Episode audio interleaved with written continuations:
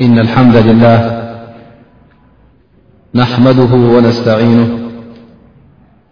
ونستغفره ونستهديه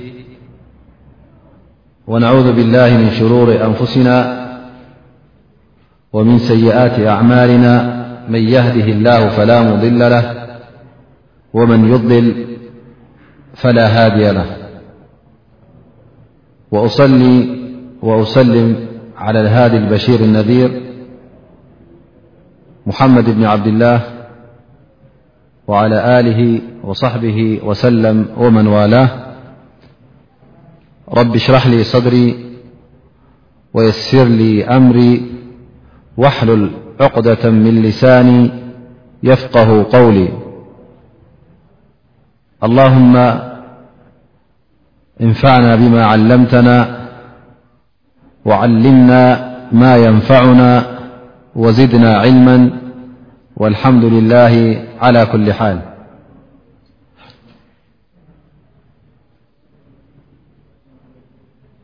بعركس أذ لم معلت ተመሪጹ ዘሎ ደርስና ብዛዕባ ትዕግስቲ ኣብ ቁርን ከሪም ማለት ኣሰብር ፍ ቁርን ኣላ ስብሓን ወተላ ከመይ ገይሩ ዘኪርዎ ኣበናይ ኣበናይ ቦታታት ከሰብሪ ክንገብር ከም ዘለና ክትሰብሪ ወይ ከዓ ትዕግስቲ ዝገብር ሰብ ድማ እንታይ ዓይነት ኣጅሪ ከም ዘለዎ ትዕግስቲ ንክንገብር እውን ዝሕግዘና ነጥብታት እንተሎ ብዛዕባ እዚ ክንዛረብ ኢና እንሻ ላ ተላ ኣሰብር ወይ ከዓ ትዕግስቲ ክበሃል እንከሎ ፍሉይ መለለዪ ኣለዎ ኣብ እስልምና ንሱ ከዓ ምእንቲ ኣላህ ኢልካ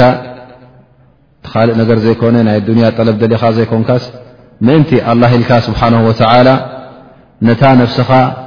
ቀጥ ኣቢልካ ክትሕዛ ካብቲ ንሓደ ነገር ንክትገብር ይኹን ወይ ከዓ ንሓደ ነገር ንክትገድፎ ንኣብነት ነቲ ሓራም ንክትገድፍ ወይ ከዓ ነቲ ሓላል ነቲ ዋጅብ ዝተባህለ ነገር ንኡ ቀጥ ኢላ ድማ ንኡ ንክትገብር ነብስኻ ቀጥ ኣቢልካ ክትሕዛ ከለኻ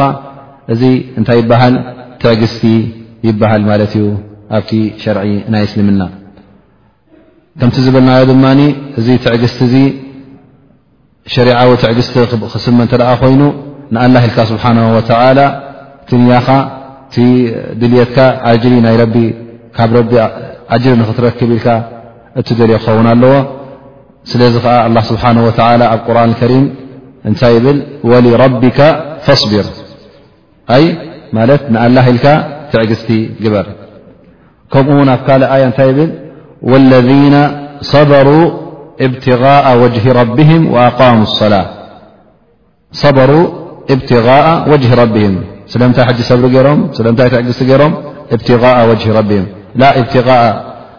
ወጅሂ ፍላን ወላ ዕላን ወላ እውን ንገለ ናይ ኣዱንያ መኽሰብ ወይ ናይ ኣዱንያ ረብሓ ንክረክብ ኣይኮነን እንታይ ደኣ ነቲ ንወጅሂ ላ ኢልካ ንሊላ ኢልካ ንፍቶት ናይ ኣላ ስብሓን ወላ ኣላ ንኽፈትወልካ ሪዳ ናይ ረቢ ንክትረክብ ኢልካ ትዕግስቲ ክትገብር ከለኻ እዚ እቲ ኣብ እስልምና ትዕግስቲ ዝበሃል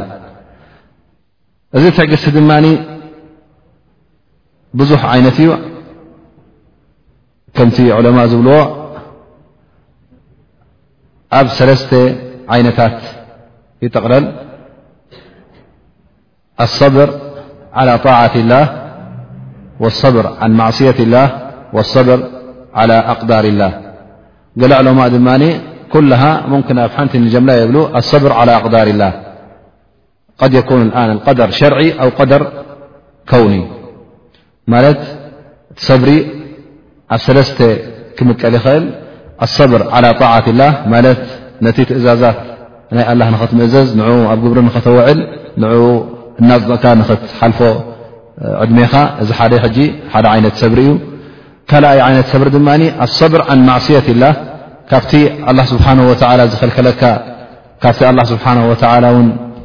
ኣይትግበሮ ኢሉ ኣብቲ ክታቡ ይኹን ኣብ ሱና ነቢ ዝጠቐሶ ካብቲ ሓራማት ናቱ ካብቲ ኩልኩል ዘበለ ማዕስያ ዝሕሰብ ነገራት ካብኡ ክትክልከል ከለኻ ድማ እዚ ሓደ ዓይነት ናይ ሰብሪ እዩ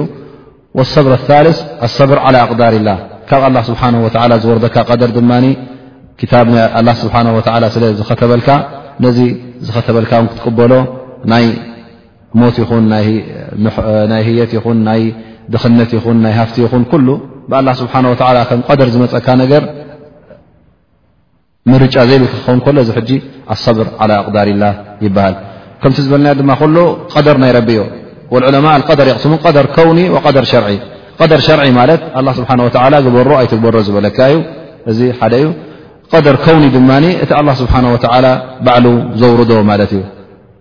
እስኻ ሕጂ ንኣብነት ንኽትውለድ ናትካ ድልት ኣይኮነን እዚ ሕጂ ምን ቀድር ኣልከውን ይበሃል ኣላ ስብሓን ወተላ ዝደለዮ ስለ ዝኾነ እዩ ካብዚ ናበይ ንመሓላለፍ ናብ ኣሃምየት ሰብር ኣገዳስነትን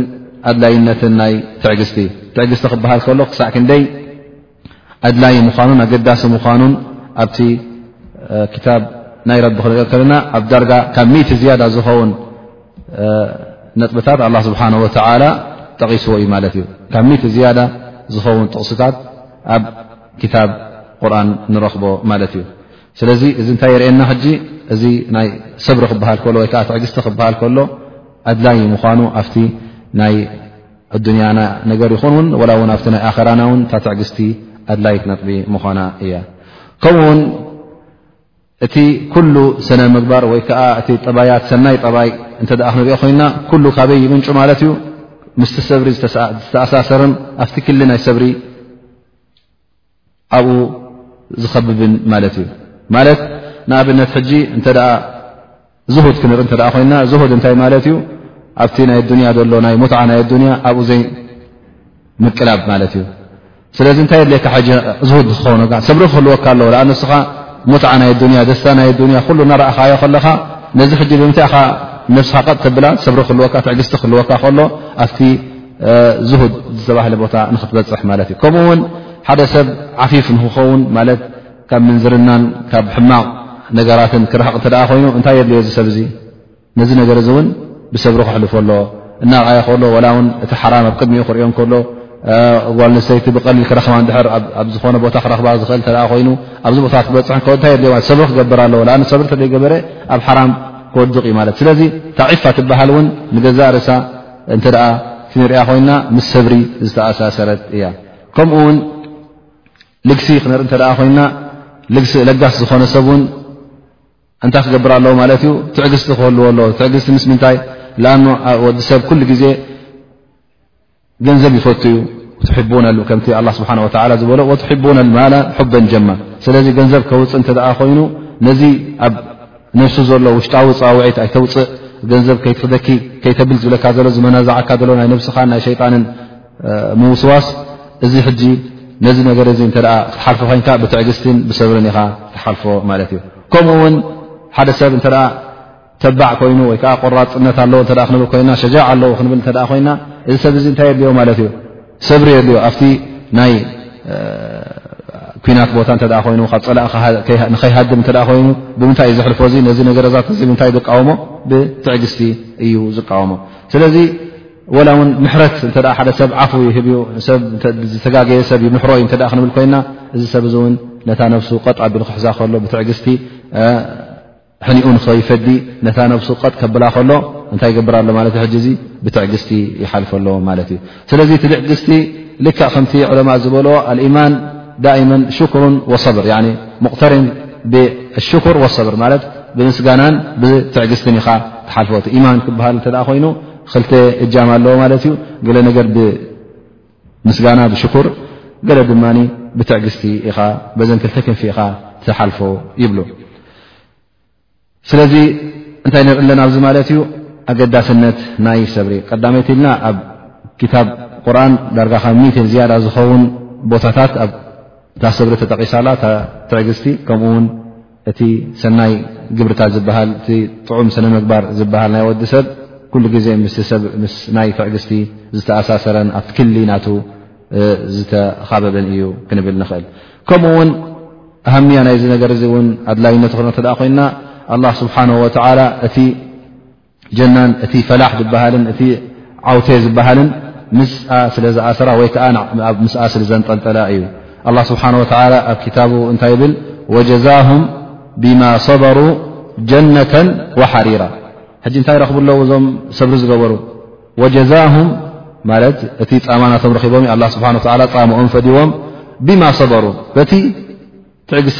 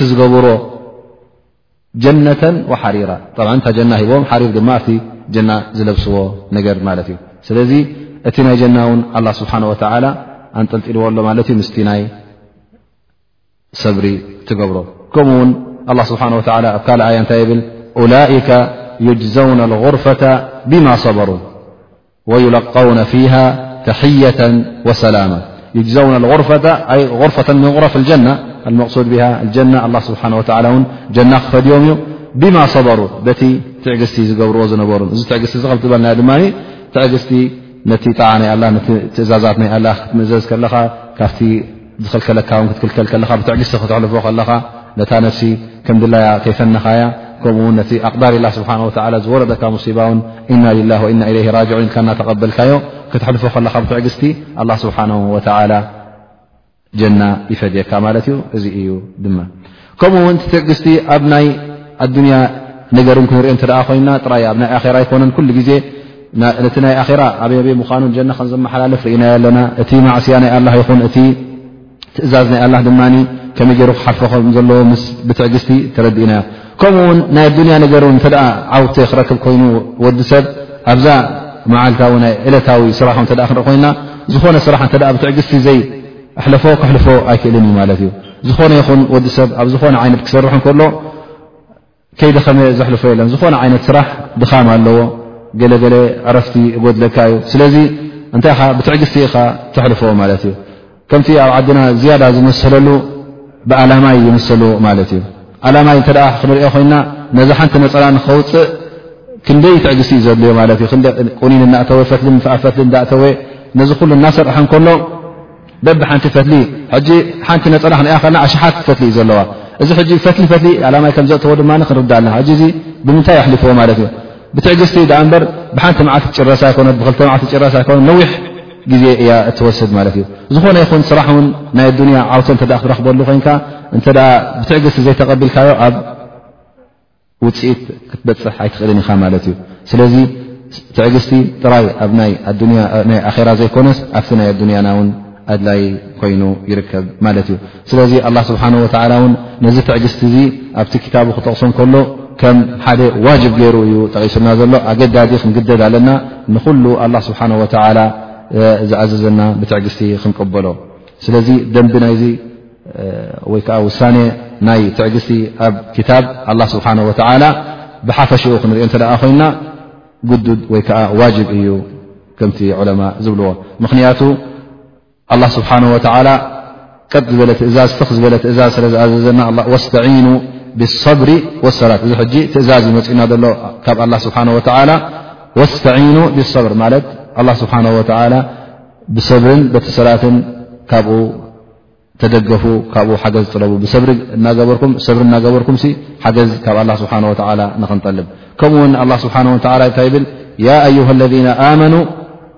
እስቢሩ ወሳቢሩ ልክዕ እዚ ሕጂ ነቶም ሙእምኒን ፃውዒት የቕርበሎም ኣሎ ያ ኣዩሃ ለذና ኣመኑ ኣንቱም ብኣላ ስብሓን ወተላ ዝኣመንኩም እስቢሩ ወሳቢሩ ትዕገስቲ ግበሩ ተዓጋገሱ ዝያዳ እውን ወሳቢሩ ማለት እውን እቲ ሰብርኹም ውን ሓፂር ክኸውን የብሉ እንታይ ደኣ እቶም ኣንጻርካ ዘሎ እቲ ዝመፀካ ዘሎ ጉድኣት ሰውኣንካ ካብ ብፀላኣ ይኹን ብካልእ ነገራት ይኹን ምስኡ ክንድቲ ናቱ ክንድቲ ዘድልዮ ትዕግስቲ ተዓገሰሉ ማለት እዩ ከምኡ ውን እዚ ሓደ ነጥቢ ክኸውን ከሎ ኣላ ስብሓን ወተዓላ እውን ካብ ምህዋኽ ካብ ካልእ ድማ ትዕግስቲ ዘይምግባር ካብኡ እውን ኣጠንቂቑና እዩ ማለት ኣን ላ ስብሓን ወላ የቁል ፈላ ትወሉሁም ኣድባራ ማለት እዚ ሕጂ ኣበይ እዩ ኣብቲ ምስ ፀላኢኻ ምስቶም ካሕዳናት ኣብ ኩናት እተ ኮንካ ብትዕግስቲ ተቐበሎ ፈላ ትወሉሁም ኣድባር ንድሕሪት ኣይትመለስ ሕቆኻ ኣይትሃብ ንፀላኢኻ ይብለካ ኣሎ ማለት እዩ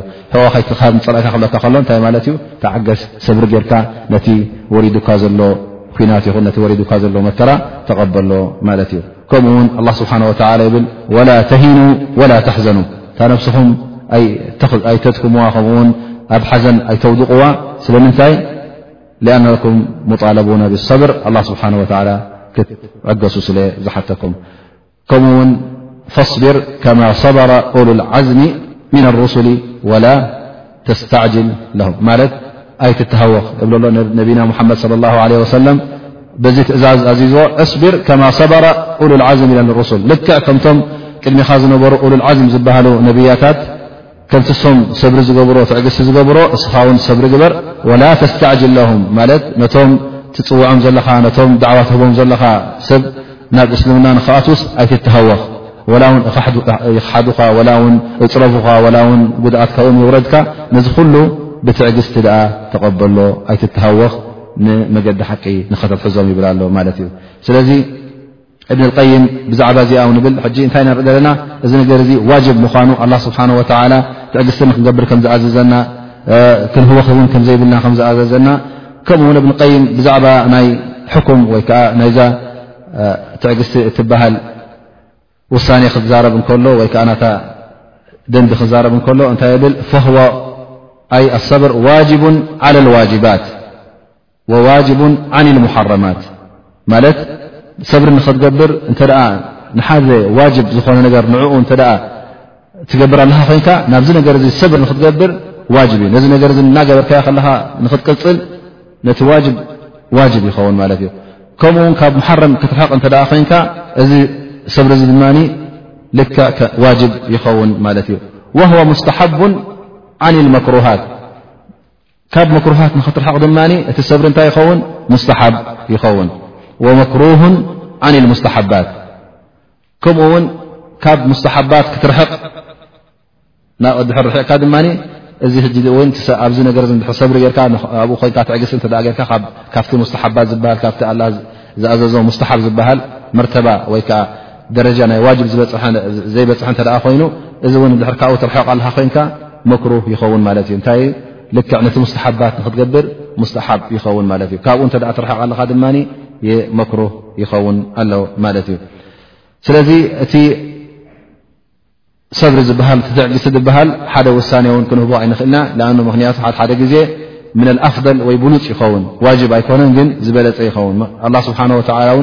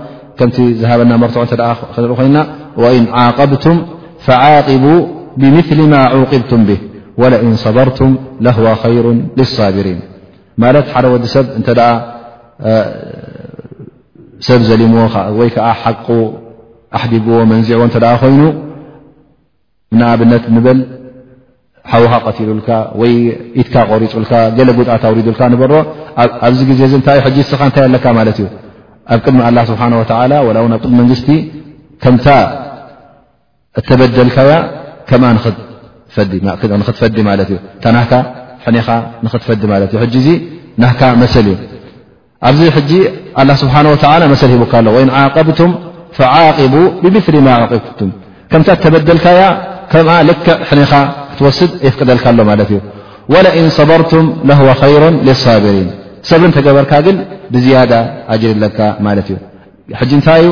ምርጫ ኣለካ ማለት እዩ ወይ ሰብሪ ትገብር ወይ ከዓ እታ ናካ ሓቂ ወይ ከዓ እታ ናትካ መሰል ትጠልብ ንዓኣ ትወስድ ማለት እዩ እንተ ሰበርካ ዝያዳ ኣጅር ትረክብ እታ ሓቂካ ተወሰድካ እውን ናካ መሰል ስለ ዝኾነ ስለዚ እታ ሰብሪ ብልፅቲ እያ ግን ናካ መሰል ተወሰድካ እውን ጌጋ ኣይኮነን ማለት እዩ ስለዚ እቲ ደረጃታት ናይ ሰብሪ እውን ኩሉ ግዜ ዋጅብ እዩ ክንብሎ ይንክእልና ግን ሓደሓደ ግዜ እውን ሙስተሓብ ይኸውን ማለት እዩ ዋላ እውን ተገደፍካዮ እውን ኣብ ሓደሓደ ቦታታት ብመሰልካ ክትሓትት እዚ ናትካ መሰል ስለ ዝኾነ ኣይ ጓዳእን እዩ ማለት እዩ ካብኡ ናበይ ንኸይድ ደረጃት ሰብር ማለት ዓይነታት ናይ ሰብርቲ ደረጃታት ናቱ ክንፈልጥ እንተ ኮይና ብዙሕ ዓይነት እዩ ዘሎ ኣብ ክልተ ድማ ክንመቕሎ ንኽእል ኣወል ሰብር በደኒ ወሰብር ነፍሲ ማለት ስጋዊ ትዕግስትን መንፈሳዊ ትዕግስትን ማለት እዩ ወይ ከዓ ነፍሳዊ ትዕግስትን እዚ ድማ ኣብ ኣርባዕተ ክንመቕሎ ንኽእል ማለት እዩ ቀዳማይ ስጋዊ ትዕግስቲ እንተ ኮይኑ ሓደ ኣሎ ብምርጫኻ ትገብሮ ክትዕገስ ነዚ ነገር እዚ ነፍሲ ወይ ከዓ እታ ጉልበትካ ተዓጊሳ ክትሰርሕ ንድኻም እናረኸበት ከላ እዚ ሓደ እዩ ከምኡ ውን ኣሎ ካልኣይ ዓይነት በደኒ ጥራሪ ሕጂ ሕና ክልተ ኢና ኢልና ዘለና ስጋዊን መንፈሳዊ ውን ኢልና ኣለና ወይ ከዓ ነፍሳዊ እሰን ድማ ኣብ ክልተ ይምቀላ ማለት እዩ እታ ስጋዊ ኣብ ክልተ ክትምቀል እያ እታ መንፈሳዊ ድማ ኣብ ክልተ ክትምቀል እያ እታ በደኒ ወይከዓ ስጋዊ ትበሃል ምርጫዊ ኣሎ ማለት እዩ ሕጂ መሪፅካ ባዕልኻ ፈቲኻ ነገር እዚ ድማ ልክዕ ከምቲ ክቢድ ስራሕ እተ ኮይኑ ናይ ዱንያ ስራሕ እተ ኮይኑ እስኻ ሕጂ ሓንቲ ዓይነት ስራሕ ረኪብካ እዚኣ ከባድ እያ ስራሓ እዚኣ ፎካ ስራሕ ኣለዋ ሕጂ መሪፅካ ካ ትኣትዎ ማለት እዩ እቲ ጉድኣት ድማ ኣበይ ዝወርድ ዘሎ ኣብቲ ስጋኻ እዩ ዝወርድ ዘሎ ኣብ ጉልበትካ ሕጂ ነዚ ነገር እዚ ብትዕግስቲ ትቕበሎ ኮንካ እቲ ትዕግስቲ ናይ ጉልበት ትዕግስቲ እዩ ዘድልየካ እምበር ናይ መንፈሳዊ ትዕግስቲ ኣየድልየካን ማለት እዩ ኣሎ ድማ በደኒ እራሪ ማለት ስጋዊ ከሎ ከይፈተኻ እትግደደሉ እዚ ከዓ ንኣብነት ከመይ ም ፀወታ ክህረም ከለኻ ማለት ዝበደለ ሰብ ክህረም ከሎ ቆልዓ በቦኡ ክህረም ከሎ ወይ ከዓ ብቤተ መንግስቲ ተታሒዙ ኣብ ማእሰርቲ ክህረም ከሎ ስኻ ሕጂ እዚ ነገር እዚ ፈቲኻ ዘምፃእካ ይኮንካ ትህረም ኢኻ ዘለኻ ነዚ ነገር ድማ ነዚ ዝወርደካ ዘሎ ቃንዛ ብትዕግስቲ ክትቅበሎ እተ ኮንካ እንታይ ትዕግስቲ ዘድልየካ ኣብዚ ሕጂ ስጋዊ ትዕግስቲ የድልየካ ማለት እዩ ካብኡ ድማ ናበይ ንኸይድ ናብቲ መንፈሳዊ ወይከዓ ነፍሳዊ ትዕግስቲ ንብሎ እሱ እውን ኣብ ክልተ ይምቀል እጥራሪ ዋ እክትያሪ ማለት ፈቲኻ ምርጫኻ እትወስዶን ከይፈተኻን ብዘይ ምርጫኻ እትገብሮን ማለት እዩ እቲ ከይፈተኻ እትገብሮ ድማ ንኣብነት ከመይ የምፅኡልካ እትፈትዎ ሰብ ዝነበረ ንዕኡ ክትስእን ከለኻ ማለት እዩ ሓደ ሰብ ሓውኻ ኣቦኻ ኣዴኻ እትፈትዎ ሰብ ክሞተካ ክሓመካ ከሎ ሕጂ እዚ እንታይ ጉድኣት እዩ ዘምፃልካ ዘሎ ሕጂ ስጋዊ ጉድኣት ኣይኮነን ትፈትዎ ሰብ ክመት ከሎ ብልሓንቲ እስኻ ቃንዛ ኣብ ኢትካ ኣብ ርእስኻ ኣብ ጎንኻ ይስምዓካን እዩ እንታይ ደኣ ኣብ ሕልናኻ ኣብቲ ነብስኻ ኢኻ ዝፍለጠካ ማለት እዩ ስለዚ እዚ ሕጂ እውን ባዕልኻ ዘምፅእኻ ኣይኮነን ሓደ ሰብ ክመውት ከሎ ወይ ከዓ ክሓምም ከሎ እስኻ ዘሕመምካ ኣይኮነን ካልእ ዘውረዶ ኣይኮነን ብኣላ ስብሓን ወተዓላ ተገዲድካ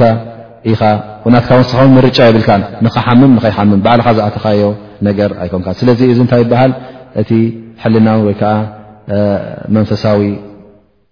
ከይፈተኻ እትረኽቦ ሰብሪ ክትገብረሉ እውን ዘለካ እዩ ማለት እዩ ከምኡ ውን ኣሎ እክትያር እዩ ዝተባህለ ወይ ከዓ ብብርጫኻ ትኣትዎ እዚ ድማ ልክ ናይ ኣላ ስብሓን ወተላ ትእዛዛት ክኸውን እንከሎ ነዚ ትእዛዝ እዚ ኣላ ስብሓን ወተላ ምርጫ ሂቡካ እዩ ክትቅበሎን ክትገትፎን ትኽእል ኢኻ ንኣ ናስ ኣሎ ሰብ ኣስላማይ ሙቃብል ድማ ኣሎ ካፍር እዚ ሕጂ ከስልም እተ ኮይኑ ካብ እስልምና ክወፅ እተ ኮይኑ ናቱ ምርጫ ኮይኑ እዩ ከምኡ ውን እቲ እስላማይ ዝተባህለ ውን ኣሎ ኣብ ማዕስያ ዝወድቕ ንኣላ ስብሓን ወላ ዝኣዘዞ ዝገድፍ ካብቲ ካብ ዝሐጥ ንሕጥ ዝብል ኣሎ እዚ ሰብ እዚ ሕጂ ካብቲ እተዋህቦ ቀይዲ ክወፅእ እንከሎ ባዕሉ ብምርጭ እዩ ዝወፅእ ዘሎ ማለት እዩ ኣላ ስብሓን ወላ እዚኣ ሓላልያ እዚኣ ሓራምያ ኢሉ ይርእካ ኣሎ ነዚ ነገር እዚ ቀጥእካ ክትሕዞም ከለካ ሕጂ መሪፅካ ኢኻ ባዕልኻ ምርጫ ኮይኑ ፈቲኻ ኢካ ትሕዞ ዘለካ በረ ብበትሪ ተገዲድካ ኣይኮንካን እቲ ናይ ምግዳድ ናይ ነፍሳዊ ባዕልኻ ናይ ኣላ ስብሓን ወተላ ትእዛዝ ስለ ዝኾነ ነታ ነፍስኻ ተገድዳ ኣለኻ መርጫ እውን ኣለካ ማለት እዩ ምክንያቱ ኣሎ ካባና ሰናይ ግብሪ ዝገብር ኣሎ ንሰናይ ግብሪ እውን ዝገድፍ ኣሎ እከይ ግብሪ ዝገብር እውን ኣሎ ነቲ እከይ እውን እናርኣየ ከሎ ዕድል ረኪቡ ከሎ ንእከይ ንክገብር እውን ካብኡ ዝርሕቕ ኣሎ ማለት እዩ እዘን ክልተ ዓይነት ዝረኣናየን ድማ እቲ ሓደ ፈቲኻ ትረኽቦን ወይከዓ ብርጫኻ ዝመፅእን ሓደ ድማ ብተገዲድካ እትገብሮን ማለት እዩ ነዚ ክንርአ ከለና ድማ መብዝሕቱ ዝኾነ ሂወት ዘለዎ ፍጡር ወዲሰብ ይኹን እንስሳ ይኹን እቲ እጢራር ዝበሃል ወይከዓ እቲ ከይፈትኻ እትኣትዎ ነገር እዚ ዳርጋ ኩሉ ኣስላማይ ይኹን ወላ ውን ዘይ ኣስላማይ ይኹን ኩሉ ሓደ እዩ ማለት እዩ ማለት እቲ ጉድኣት ናብ ኩለኻ እዩ ዝወርድ ማለት እዩ ናይ ምህራም ይኹን ናይ ምቕፃዕ ገለ መሬታት ናብኻ ጥራይ ኣይኮነ ዝወርድ ናብ ኩሉ ይወርድ እዩ ወላ ውን እንስሳ ውን ሕማቕ ክረክብ ይኽእል እዩ እንስሳ ክነክሶ ገለ መሬታት እዚ ኩሉ ሕጂ ሰብሪ ክገይርዎ ሰብሪ እንተዘይገበረ ካብኡ ክሓልፍ ኣይክእልን እዩ ማለት እዩ ግን ወዲ ሰብ እቲ ስላማይ ዝተባህለ እቲ ወዲ ሰብ ብምንታይ እፍለ ማለት እዩ በቲ ብምርጫ ዝወስዶ ትዕግስቲ ማለት እዩ ንሓደ ነገር ገብር ከሎ መሪፁ ክኣትው ከሎ እዚ እዩ እቲ ፍልልይ ናቱ ማለት እዩ ወኩሉ ናስ የሽተሪኩን ብ ኣብቲ ጢራር ዝተባህለ ኣብቲ ከይፈተኻ ወይከዓ ከይደለኻ ዮ እስኻ እትረኽቦ ትዕግስቲ እትገብረሉ ነገር ኩሉ ወዲ ሰብ እፈላለ ረኽቦ እዩ ማለት እዩ ግን እቲ ካብ ኢድካ ወፃኢ ክኸውን ከሎን ኣብ ኢድካ ክኸውን ከሎን በበይኑ እዩ ማለት እዩ እቲ ደረጃ ናት እውን ዝዓበየ ደረጃ ድማ ምርጫ ክህልወካ እንከሎ ማለት እዩ ንኣብነት ከምቲ ዑለማ ንምሳሌ ዘምፅዎ ወይከዓ ኣብነት ኢሎም ዘምፅዎ ናይ ሰይድና ዩሱፍ ዝተረኽበ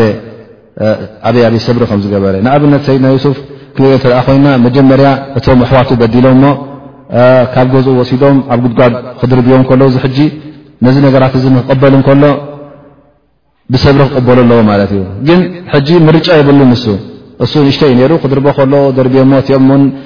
ወሲዶም ክሸጥዎም ከሎ እዚ ኩሉ ሓደጋታት ከጓንፎም ከሎ ብሰብሪ ክቕበሎ ከሎ ነዚ ሓደጋ እዚ ሕጂ መሪፁ ኣይኣተዎን ማለት እዩ ካልእ ምርጫ እውን የብሉን ኣ ክእለት ኣይነበሮን ማለት እዩ ኣብዚ ግዜ እዚ እውን ሰብሪ ገይሩ ማለት እዩ ግን ዝዓበየ ሰብሪ ዝገበሮ ኣበይ ይብሉ ኣብቲ ዳሕራይ ኣብቲ እምርኣት ዓዚዝ ኣብ ፊትና ከተውድቆ ምስ ደለየት ኣብ እከይ ስራሕ ክተውድቆ ምስ ደለየት ነዚ ነገር እዚ እውን ኩሉ ነገራት ተሻሽልሉ ከሎ ተቓሪሉ ከሎ ናብዚ ነገር እዚ ንኸይወድቕ ነዚ ነገር እዚ ብሰብሪ ስለ ዝተቃወሞ ዝዓበየን ዓብ ደረጃ ኮይኑ ይርከብ ማለት እዩ ምክንያቱ ሕጂ እንታይ ኣለዎ ማለት እዩ ኣብዚ ምርጫ ኣለዎ ወይ ነታ ከይገብራ ወይ ንክገድፋ ናቱ ምርጫ እዩ ነይሩ ማለት እዩ ኣ ኩሉ ነገራት ተሻሽልሉ እዩ ነይሩ ወይ ከዓ ተቃሪልሉ ነይሩ ማለት እዩ ስለዚ ሕጂ እታ ናቱ ምርጫ እትወስን ዘላ ወይ እታ እከይ ነገር ገብራ እዮ ወይ ከዓ ብሰብሪ ክዓግታ እዩ ማለት እዩ ስለዚ እዚ ነገር እዚ እተ ኮይኑ ድማ እቲ ብምርጫኻ ትገብሮ ሰብሪ እሱ እቲ ዓብ ሰብሪ ዝበሃል ኣ እምበር እቲ ተገዲድካ ኣብ ትወጥቆ ግን እሱ እቲ ዝተሓተ ይኸውን ማለት እዩ ኣብኡ እውን ሰብሪ የድልካ እዩ ክልተ ዓይነት እዚ ሰብሪ እዚ ኣድላይ እዩ ንዓኻ ማለት እዩ ግን እቲ ዝያዳ ኣጅሪ ዘለዎን እቲ ደረጃ ናቱ ዝለዓለ ዝኸውን እቲ ብምርጫኻ እቲ ገብሮ ሰብሪ ይኸውን ማለት እዩ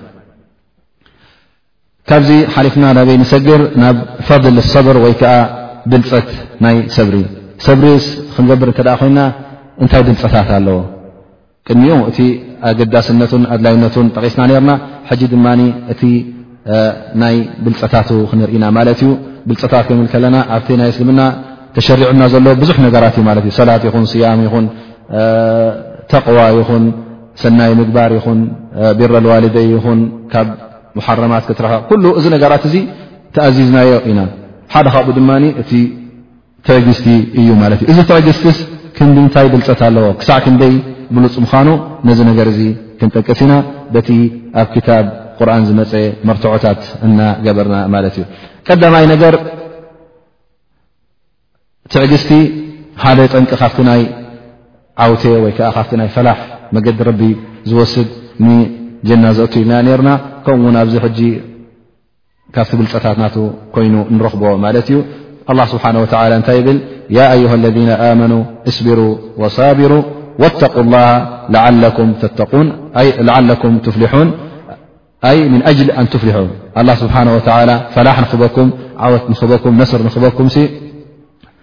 ጀና ንክትኣት እተ ኮይኑ እስቢሩ ወሳቢሩ ወተق ላ ማለት ተቕዋን ትሰብርን ክርከብ ከሎ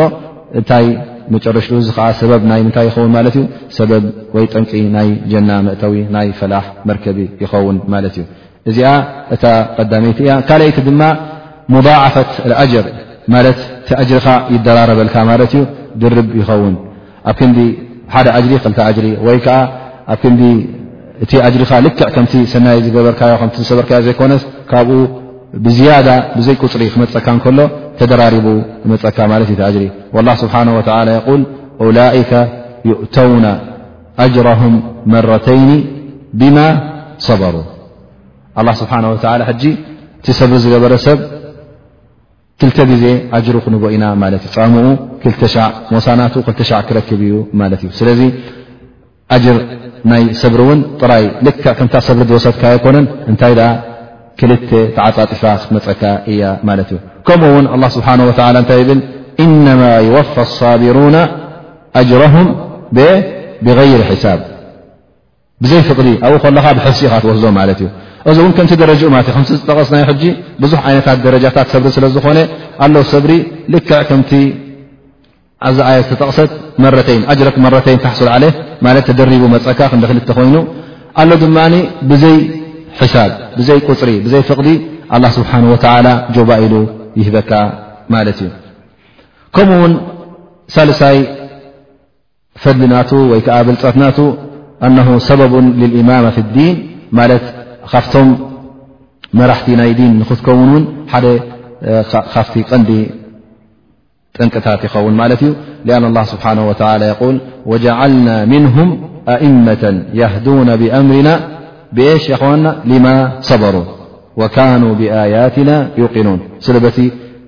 ብስለት ናይ ኣየታት ዝኣምኑ ዝነበሩን ከምኡ ውን ሊማ ሰበሩ ኣነም ትዕግስቲ ስለ ዝገበሩ ኣላ ስብሓን ወላ እንታይ ገይርዎም ማለት እዩ ኣእመተን የህዱና ብኣምሪና ማለት መራሕቲ ገይርዎም ንመንገዲ ኣላ ዝመርሑን መገዲ ሰናይ ዘርእዩን ማለት ካብቶም ዑለማእን ካብቶም ዓይኒ ናይ ህብረተሰቦም ኮይኖም መገዲ ሓቅን መገዲ ቕንዕናን ዝመርሑ ገይርዎም ማለት እዩ ሰብሪ ዘይብሉ ሰብ ግን ክመርሕ ኣይክእልን እዩ ኣይኮነን ንሰብ ንክትመርሕ መገዲ ሓቂ ከተርኢ እተ ኮይኑ ወላ ውን ንእንስሳ እተ ክትጓሲ ኮንካ ብትዕግስቲ ኢኻ እትካየድ ምፅ ማለት እዩ ብዝያዳ ትዕግስቲ ድማ ምስ መን የድልየካ ምስ ደቂ ሰብ ስለዚ እቲ ንሰብ ወይከዓ ንህብረተሰቡ ክመርሕ ዝኽእል እቲ ትዕግስተኛ ዝኾነ ሰብ እዩ ማለት እዩ ከምኡ ውን ካብቲ ፈ ናይዚ ነገር እዚ ድማ ኣን ላ ስብሓን ወተላ ተዋዓዳ ብመዕየት ማዓ ሳብሪን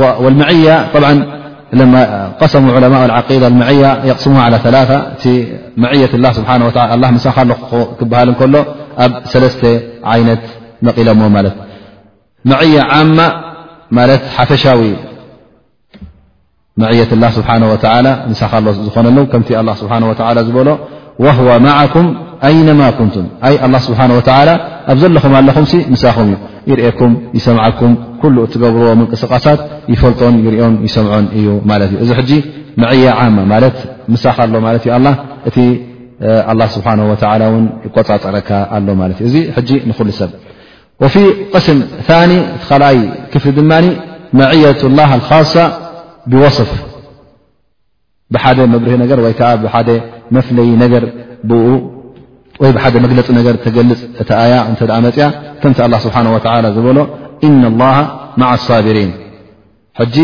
ኣላ ስብሓን ወተላ ንመን ወሲኑ ማለት እዩ እዚኣ ንመን ቀይዱ ነቶም ሰብሪ ዝገብሩ እዚ ዓይነት ምዕያ ድማ ምዕያ ካሳ ኣብልዎ ምዕያ ካሳ ክበሃል ከሎ ድማ ውሱን ወይ ከዓ ፍሉይ ምዕያ ማለት እዩ ላ ስብሓን ወላ ምሳኻ ኣሎ ማለት እዩ እዚ ድማ እንታይ የምፅእ ማለት እዩ ዓውተን ድጋፈን የምፅእ ማለት እዩ እዚ ምዕያ ካሳ ስለ ዝኾነ ጥራይ ከምቲ ናይ ሓፈሻዊ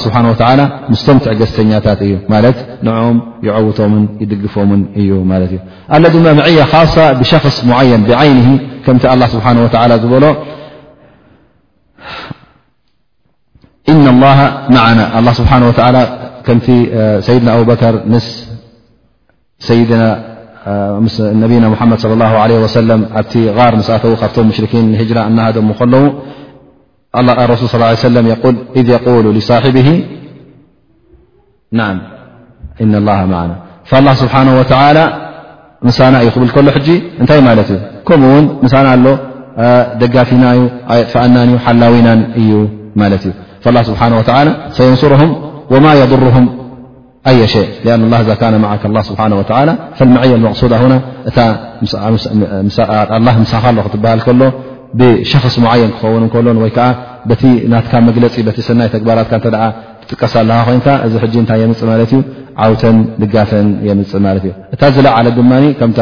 ናይ ነቢና ሙሓመድ ስ ለ እና ላ ማዓና ዝበላ እሳ እታ ዝለዓለት ብድሕሪ ኣታይ ትመፅእ እቶም እና ላ ማዓ ሳብሪን ዝበሎም በቲ ሓደ መግለፂ ናቶም ዝገለፆም እዚኣ ድማ ናይ ምዕዋት ማ ሳልሰይቲ ደረጃ እታ መጨረሻ ድማ እና ላ ናስ ኩሎም ዓብኦም ምስ ንእሽተኦም ቆልዓ ሰበይቶም ስብሓ ይርኦምን ይሰምዖምን እንታይ ከም ዝገብሩ ዘለዎ ስለዝኾነ ትቃሉ መላሃ መዕየት ዓማ ኣ ወይ ከዓ ሓፈሻዊ መዕያ ማለት እዩ ከምኡ ውን ነቶም ኣህሊ ሰብር ሰለስተ ዓይነታት ኣኻኺቡ ሂብዎም እዩ ማለት እዩ ንካልኦት ዘይሃባ ነቶም ሰብ ዝገበሩ እቶም ሰብ ሰብሪ ንኦም ተዋሂቦም ማለት እዩ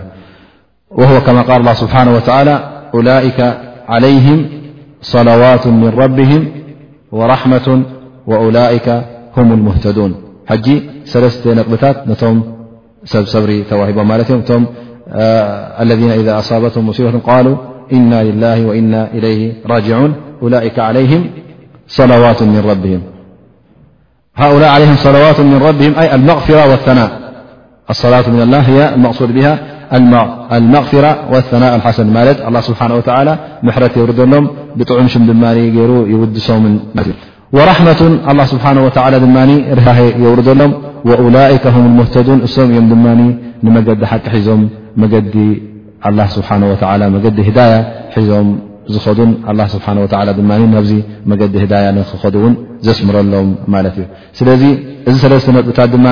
ብጀካ ነቶም ሰብሪ ዝገብሩ ነቶም ትዕግስተኛታት እንተዘይኮይኑ ንካልኦት ከምዝገይሩ ጠራኒፉን ኣኻኺቡን ኣይሃበን ማለት እዩ ከምኡ ውን ካብቲ ፈሊ ወይ ከዓ ካብቲ ብልፀታት ናይ ትዕግስቲ እዚ ትዕግሲ እውን ንወዲ ሰብ ሓጋዚ እዩ ማለት እዩ ምክንያቱ ኣላ ስብሓን ወላ ይል ወስተዒኑ ብሰብሪ ወሰላ ብሰብርን ብሰላትን ጌርኩም ካብኡ ሓገዝ ጥለቡ ማለት እዩ ስለዚ እቲ ሓገዝ ዝኾነካ ደጋፊ ዝኾነካ ውን እቲ ሰብሪ እዩ ማለት እዩ ንገዛእ ርእሱ ሰብሪ ንወዲ ሰብ ይድግፎን ይሕግዞን እዩ ናብቲ ዝደለዮ ነጥቢ ናብቲ ዝደለዮ ሸቶ ናብቲ ዝደለዮ ቦታ ንክበፅሕን ናብቲ ናይ ሪዳ ኣላ ስብሓን ወላ እተ ክበፅሕ ኮይኑ ዝኾነ ዓውተ እተ ክረክብ እተ ኮይኑ ሰብሪ እንተ ገይሩ ነዚ ነገር እዚ በዚ ሰብሪ ዝገበሮ ክዕወት ይኽእል ማለት እዩ ከምኡ ውን ኣላ ስብሓን ወተላ ብዛዕባ ናይ ሰብሪ ክጠቅስ እንከሎ ዓለቀ ሰብራ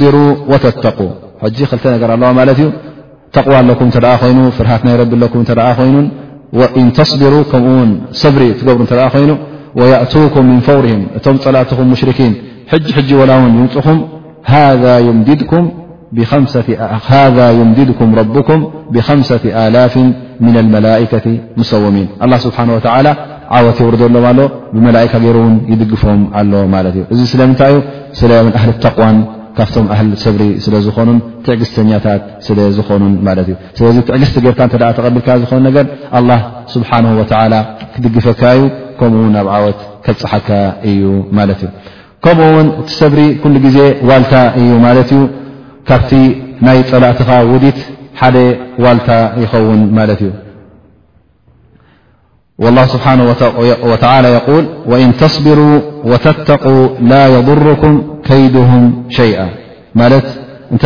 ሰብሪ ጌርኩም ትዕግስቲ ጌርኩም ከምኡ ውን ተቕዋ ፍርሃት ናይ ኣላ እተ ጌርኩም ላ የضሩኩም ከይድም ሸይኣ ዝኾነ ይኹን ውዲት እንተ ኣሎ ኮይኑ ካብ ፀላእትኹም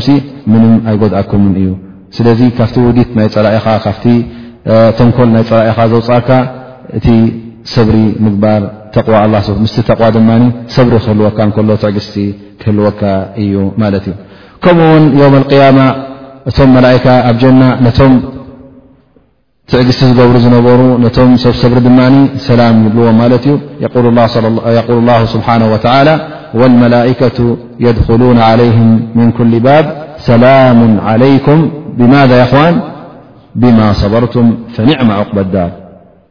እዞም ሕጂ ሰላም ዝብሉኻ ዘለዉ እቶም መላእካ ዮም ቅያማ መፅኦም ኣብቲ ጀና ምስኣተኻ ሰላሙ ዓለይኩም ሰላምታ ናይቶም መላእካ ትረክብ ማለት እዩ ስለዚ ሰላምታ ናይ መላእካ ክትረክብ ከለኻ ድማ ስለ ትዕግስቲ ዝገበርካ ነቲ ትእዛዛት ናይ ኣላ ስብሓን ወተዓላ ኩሉ እናክበደካ ከሎ ግን ብትዕግስቲ ስለ ተቐበልካዮ ነቲ ኣላ ስብሓን ወተዓላ ዝኸልከለካ መሓረማት እውን ካብኡ ብትዕግስቲ ስለ ዝረሓቕካ ስለዚ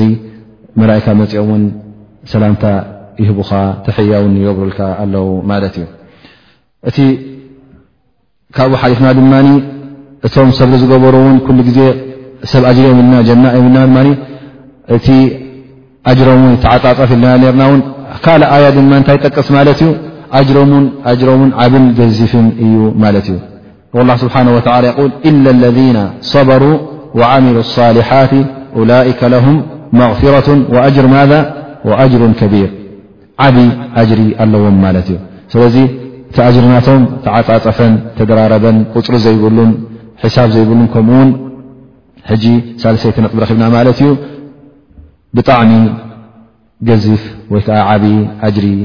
ይፍደዩ ማለት እዮም ከምኡ ውን ካብኡ ዝዓበየ ድማ ኣላ ስብሓን ወተላ ነቶም ሰብ ሰብሪ ነቶም ትዕግስተኛታት ብጣዕሚ ይፈትዎም እዩ ማለት እዩ ላ ስብሓን ወተላ የቁል ወላሁ ዩሕቡ ሳብሪን መሓባ ናይ ኣላ ስብሓን ወተላ ካብኡ ዝለዓለ ድማ የለን ባርያ ናይ ኣላ ክነስኻ ድማ ኣላ በቲ እትገብሮ ዘለኻ ትዕግስቲ በቲ ሰብርኻ ድማ እተ ፈትዩኳ ላ ስብሓን ወተላ ይሕቡክ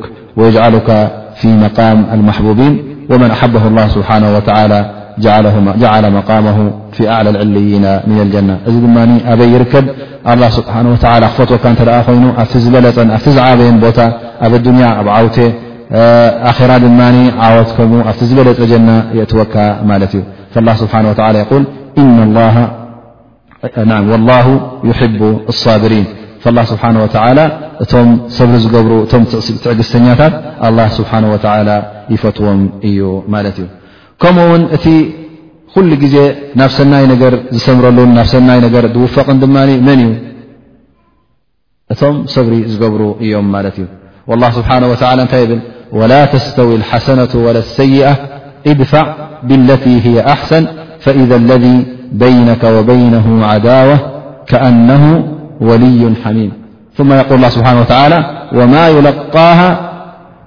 ወማ ይለቃ ማዛ ማ ሰበቅ ኢላ ለذነ ሰበሩ ነዚ ነገር እዚ ድማ መን ዝረኽቦ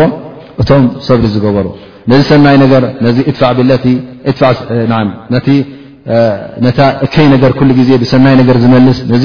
ሰናይ ተግባር እዚ ዝረክብ ናብዚ ነገር እዚ ዝውፈቕ ድማ ኣየና እዩ እቲ ሰብረኛ እዩ ኩሉ ግዜ ትዕግስቲ እንተ ዘይብልካ ኮንካ ነዚ ነገር እዚ ኣይትረኽቦን ኢኻ እንተደኣ ሰብ ጎድኣካ ኮይኑ ሕማቕ ዝገብረካ ሰብ ነዚ ሰብ እዚ ንስኻ ሕማቕ እናገበረካ ከሎ እከይ እናገበረካ ከሎ ንስኻ ነቲ እከይ ተግባራቱ ብሰናይ ተግባር ክትቅበሎ ከለኻ ብሰናይ ተግባር ክትዓግቶ ከለኻ እዚ ነገር እዚ መን እዩ ዝገብሮ ብጀካ ትዕግስተኛ ሰብ ካልእ ዝገብሮ ኣይኮነን ስለዚ ኣላ ስብሓን ወተላ ይቁል ወማ ዩለቃሃ ኢለ ለذነ ሰበሩ ወማ ዩለቃሃ ኢላ ذ ሓظ ዓظም እቲ በዓል ዓብ ዕድል ኣላ ስብሓን ወተላ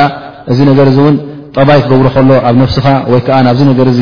ክውፍቐካ እንከሎ እዚ ዓብ ዕድል እዩ ማለት እዩ ነዚ ነገር እዚ ክትረክብ እተኣ ኮይንካ ድማ በዓል ዓብ ዕድል ክትከውን ኣለካ ኣላ ስብሓን ወተላ ዝዓደለካ ክትከውን ኣለካ ማለት እዩ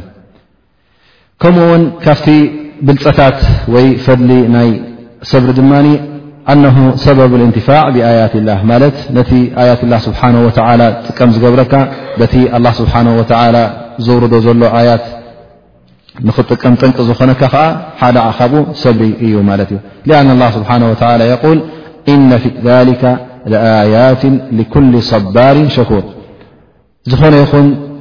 ትእዛዛት ናይ ኣላ ወይ ከዓ እቲ ኣያት ናይ ኣላ ክትምልከትን ክትዕዘብን እንተ ኮይንካ እንተ ሓደ ካብቶም ህዉኻት ንዝኾነ ይኹን ነገር እውን ብታህዋ ክትቕበሉ እተ ኮይንካ ንኩሉ ነገር ን ከይተረዳእካ ትንፅግ እተ ኮይንካ ሰብሪ ዘይብልካ ሰብ እተ ኮይንካ ክትጥቀም ኣይትኽእልን ኢኻ ማለት እዩ ስለዚ ናይዚ ነገር ዚ ክትጥቀም እተ ኮይንካ ሰበብ እንትፋዕ እተ ክኸውን ኮይኑ እንታይ ክህልወካ ኣለዎ እነ ፊ ሊካ ኣያት ልኩል ሰባርን ሸኩር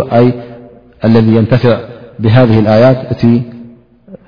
ዓብ ትዕግስተኛ ዝኾነ ሰባር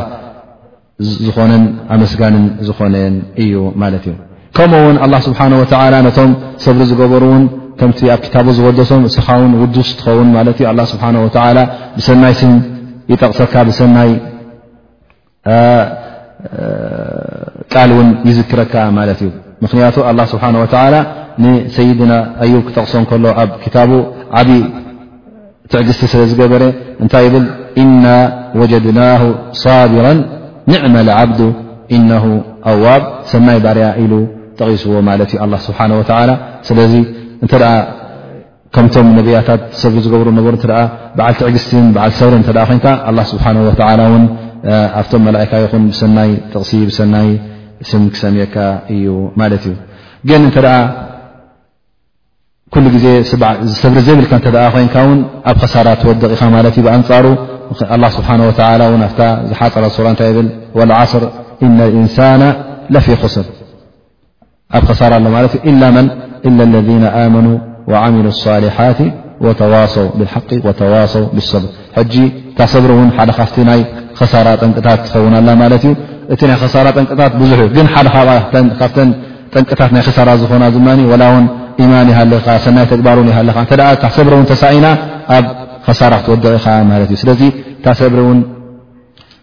ኩሉ ግዜ እተ ክንሪኣ ኮይና ምስቲ ሰናይ ተግባራት ተቃሪና ንረክባ ማለት እዩ ብዙሕ ኣያታት እተ ክን ኮይና ኣብ ክታብ ረቢ እታ ሰብሪ እውን ምስአን ዝተኣሳሰረት ንረክባ ማለት እዩ ከምቲ ቅድሚ ፅንሕና ዝበልናዮ ወስተዒኑ ብሰብሪ ወሰላት ማለት ሕጂ እንታይ ቃሪኑ ማለት እዩ ክልትኤን ኣላጊብወን እታ ሰብርን እታ ሰላትን ከምኡውን ኢለ ለና ሰበሩ ወዓሚሉ ሳሊሓት ብ ኣብ ካልኣያ ከምኡውን ኣብ ካልኣያ እንታይ የብል እነሁ መን የተቂ ወየስብር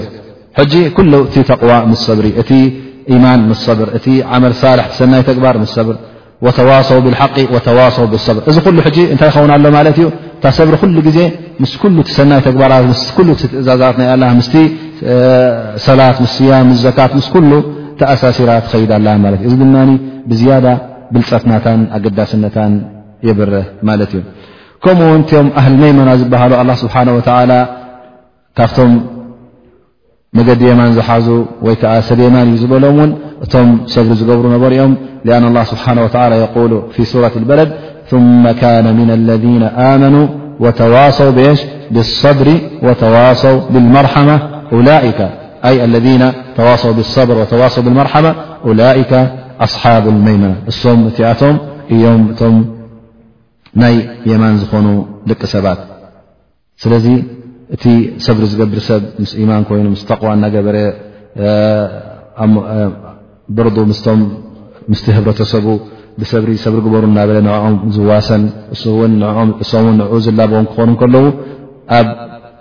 እንታይ ይበፅሕ ማለት እዩ ኣብቶም ናይ ኣህሊ ልየሚን ካብቶም ኣህሊ መይመና ይኸውን ማለት እዩ ከምኡ ውን ካብቲ ብልፀታት ናይቶም ሰብ ዝገብሩ ድማ ኣላ ስብሓን ወተላ ብምንታይ ይጃዝዮም በቲ ዝበለፀ ሰናይ ተግባራቶም ንዕኡ ምርፅ ምርፅ ኣቢሉ ሰናይ ዝገብሩ ኣለና ሰበሩ እቶም ትዕግስቲ ዝገብሩ ዝነበሩ ብምንታይ ክንጃዝኦም ኢና ብምንታይ ፃምኦም ክንፈድኦም ኢና ኢሉ በቲ ሰናይ ዝገብሮ እቲ ኣጅሮም ሲ በቲ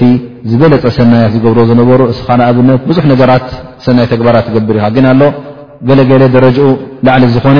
ገለገለ ድማ ትሑት ዝኾነ ስለዚ ኣላ ስብሓን ወላ እተ ካብቶም ሰብ ዝገብሩ ዝነበሩ እተ ኮንካ ካብቲ ብሉፅ ተግባራትካን ካብቲ ሰናይ ዓብ ዓብ ሰናይ ተግባራትካን ካብኡታት ምርፅ ምርፅ ኣቢሉ በቲ ዝዓበየ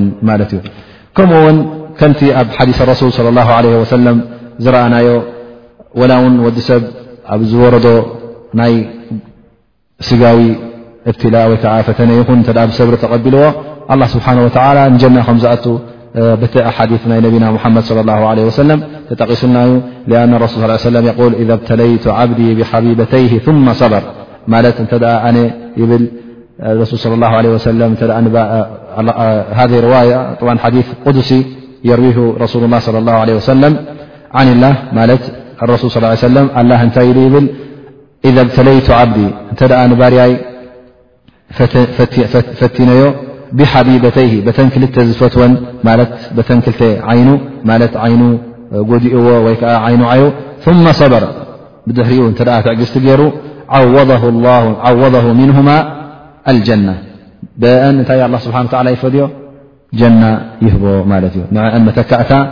ጀና እዩ ይብል ማለት እዩ ስለዚ እንተ ኣላ ስብሓን ወተላ ንወዲ ሰብ ዓይኑ ስኢንዎ ኣብዚ ጉድኣት ዝብልዎ እዚ ሰብ እዚ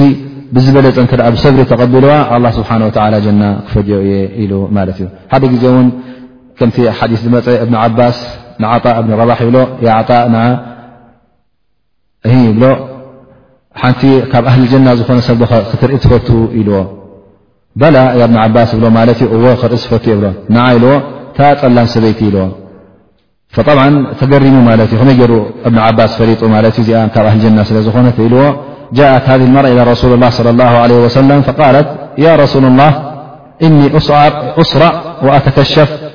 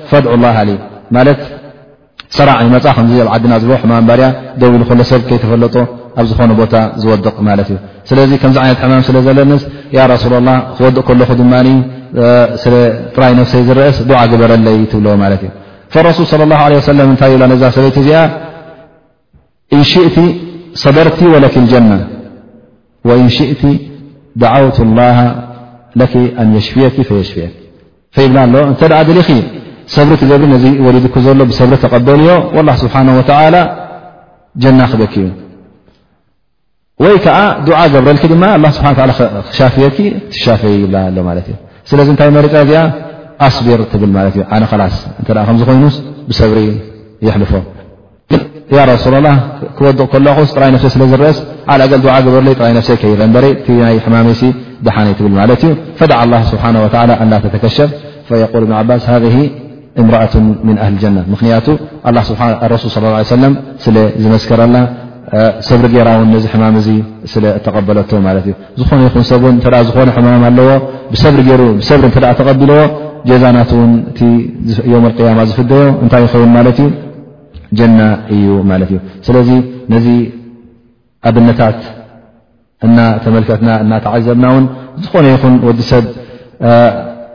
ገለ ነገር ኣብ ነፍሱ ኣብ ሓዉ ኣብ ዝፈትዎ ሰብ ሕማቕ ነገራት ይወርዶ ይኸውን ነዚ ነገር እዚ እውን ብትዕግስቲ ክቕበሎ ከሎ ኣላ ስብሓን ወተላ ዓብዪ ኣጅርን ንጀና ክሳዕ እውን ንጀና ዘብፅሕ ይፈድዮ ማለት እዩ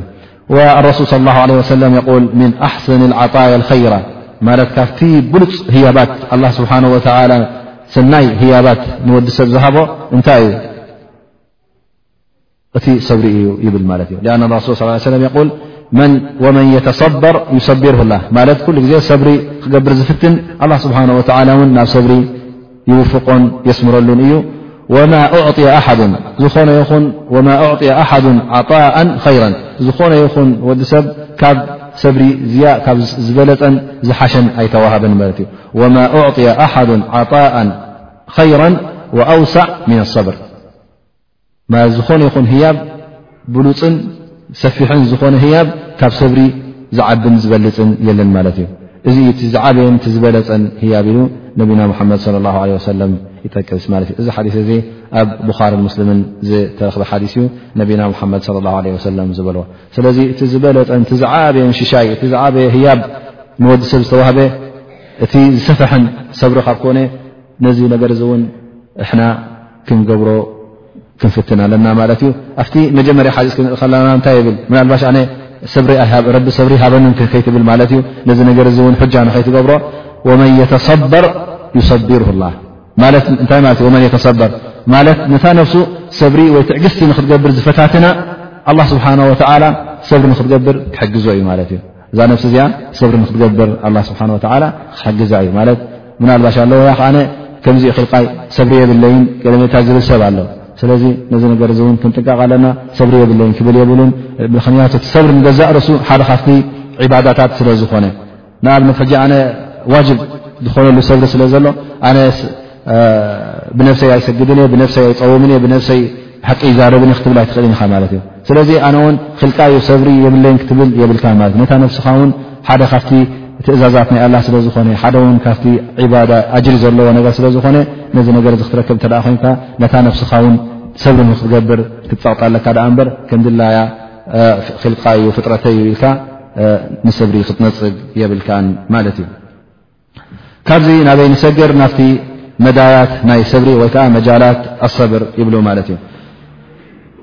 እቲ መዳያት ናት እውን ብዙሕ ዩ ሓደ ካብቲ መዳያቱ ኣሰብር ዓላ በላእ ኣዱንያ እዚ ድማ ኩላና እንፈልጦ ማለት እዩ ወዲ ሰብ ድማ ኣብዛ ኣዱንያ ተኸሊቑ ዘሎ ኩሉ ጥዑም ንክረክብ ኣይኮነን ላ ስብሓ ወላ የል ለቐድ ኸለቅና ልእንሳና ፊ ከበድ ኣላ ስብሓን ወላ ንምንታይ ይኸሊቁና ኩሉ ግዜ ጅሁድ መታዕብ ኣሎ ማለት እዩ ኩሉ ግዜ ብቀሊል ነገር ትረኽቡ ኣይኮነን እታ ውን ኣብ ኣፍካ ተእትዋ ዘለኻ ብልዒ ወላ ውን ቆልዓ ንእሽተይ ኣብ ሕቕፍዲኡ ከሎ ኣፉ እተ ዘይመፅ ኮይኑ ኩሉ ግዜ እተ ዘይንቀሳቀስ ኮይኑ ወላ ውን ተዘይበኸየውን ኣኡ ትርስዖ ከምዝብልዎ ስለዚ ኩሉ ነገር ናይ ግድን እዩ ምንቅስቓስን ጅሁድ ወይ ከዓ ገለ ነገር ካባኻ የድሊ እዩ ማለት እዩ ስለዚ ኩሉ ቀሊል ነገር ክንኸውን ኢልካ ኣይትፀበ ላኪን ላ ስብሓን ወተላ እተ ነዚ ነገር እዚ ትገብሩለካ ብትዕግስቲ ተቐቢልካዮ ግን ክዕውተካ እዩ ማለት እዩ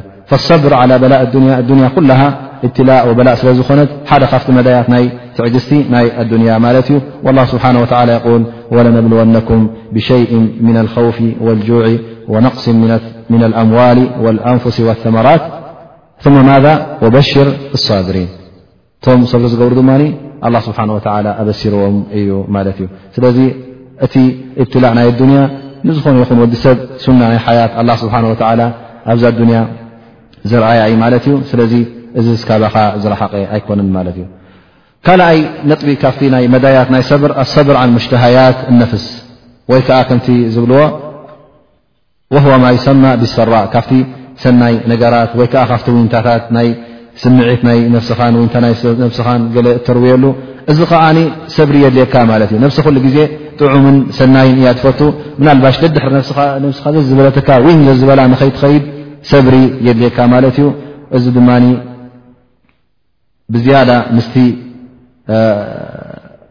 ክእለት ክህልወካ እንከሎ ንኣብነት ንሓደ ነገር ዊን ኢሉካ ንክትረኽቦ እውን ኣብ ኢድካ ክኸውን እንከሎ እዚ ሕጂ ብዝያዳ ስብሪ የድልዮ ብዝያዳ ድማ ኣጅሪ ኣለዎ ማለት እዩ ምናልባሽ ሓደሓደ ግዜ ኣሎ ሰብ ብድኽነት ዝኣክል ምናልባሽ ኣይፀግብ ንኸውን ጥሜት ኣትዎ ይኸውን እዚ ሰብ እዚ ኣብዛ ትዕግስቲ ንክገብር ይግደድ እዩ ክእለት የብሉን ኣሰን ንክረክብ ግን ካልእ ሰብ ክንርኢ እተ ኮይና ኣለዎ ገንዘብ ኣለ ገለ ላን በዚ ገንዘቡ እዙ ደስ ዝበሎ ነገር ናይ መሓረማት ይኹን መስተ ይኹን ንሕማቕ ነገራት ንክበልዕ ንክሰቲ ነታ ነፍሱ ክኣስራ ከሎ ክእለት እንከለዎ እዚ ሕጂ ኣላ ስብሓን ወተላ እውን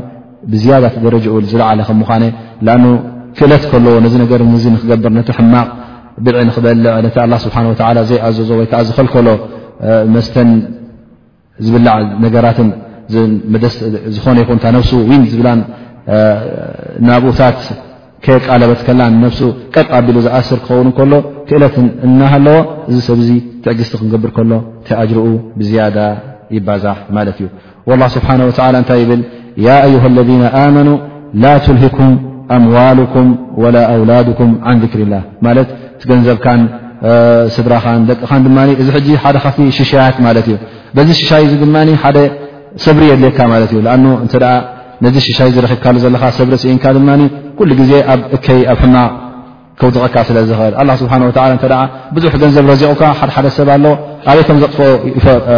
ከም ዘጥፍኦ ይጠፍኦ ማለት እዩ እዚ ገንዘብ እዚ ተረኪቡ ዘሎ ናይ ግድን ክስርፎ ደሊ ኣበይ ኣበይ ጥፍኦ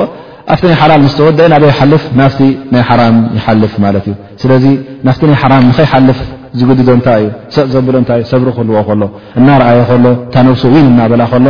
ሰጥ ክብል እንከሎ እዚ ድማ ሓደ ካፍቲ በላእ ናይ ዱንያ ከም ምዃኑ ክትርስዕ የብልናን ማለት እዩ እዚ ድማ ናይቲ ሰራ ዝበሃለ እቲ ናይ ዊንታ ናይ ነብስኻ ወይ ከዓ እቲ ደስደስ ዝብል ነገራት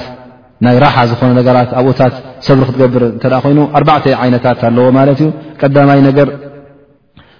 ምስታ ናይ ዱንያ ምስቲ ናይ ዱንያ ሽሻይ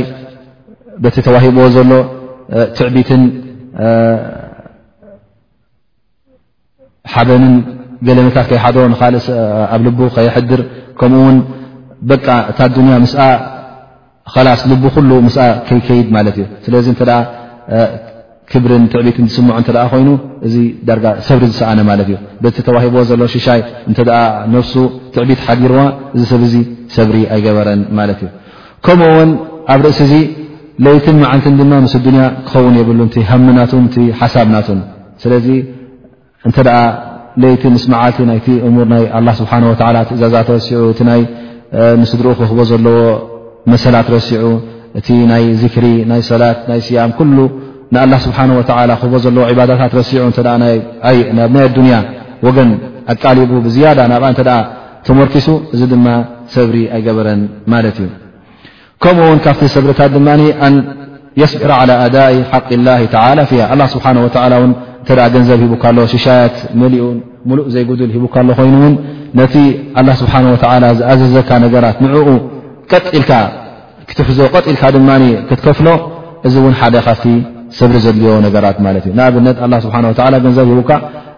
ነዚ ገንዘብ እዚ እውን መሰላት ገይርሉ ማለት እዩ ዝወፅእ ሰደቃታት ዝወፅእ ዘካት ናይ ዓመት ዘካት ይኹን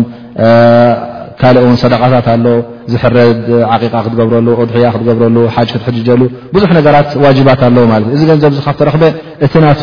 መሰላዊ ሓቂ ናቱ እቲ ዝግብኦ ነገራት ንኸተውፅኣሉ ድማ እዚ ሰብሪ የድልየካ ማለት እዩ ከምኡ እውን ነዚ ተዋሂብካ ዘሎ ኣብ ናይ ሓራም ንኸይተውፅኦ ድማ ሓደ እቲ ዝዓበየ ሰብሪ እዩ ማለት እዩ